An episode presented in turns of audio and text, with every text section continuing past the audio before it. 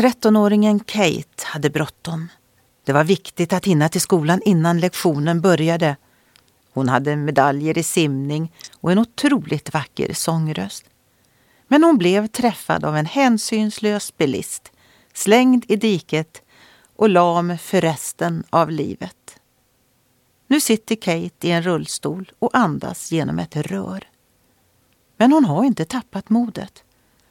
Framför många människor i en kyrka viskade hon Jag har blivit omvandlad till något som jag tror är mycket bättre. Det som verkade skada mig vände sig till något bättre. Innan olyckan var jag en besvärlig snobb. Nu har Gud gett mig en inre frid. Jag sparar rösten tills jag kommer till himlen. Jone Eriksson Tada som sitter i rullstol förlamad efter en dykningsolycka skickade följande ord från den goda boken Bibeln till Kate och oss. Herren går själv framför dig och han ska vara med dig. Han ska inte lämna dig eller överge dig.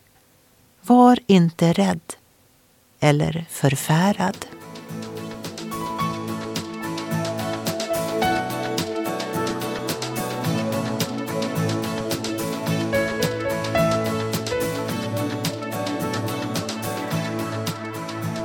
Ögonblick med Gud producerat av Marianne Källgren, Noria Sverige.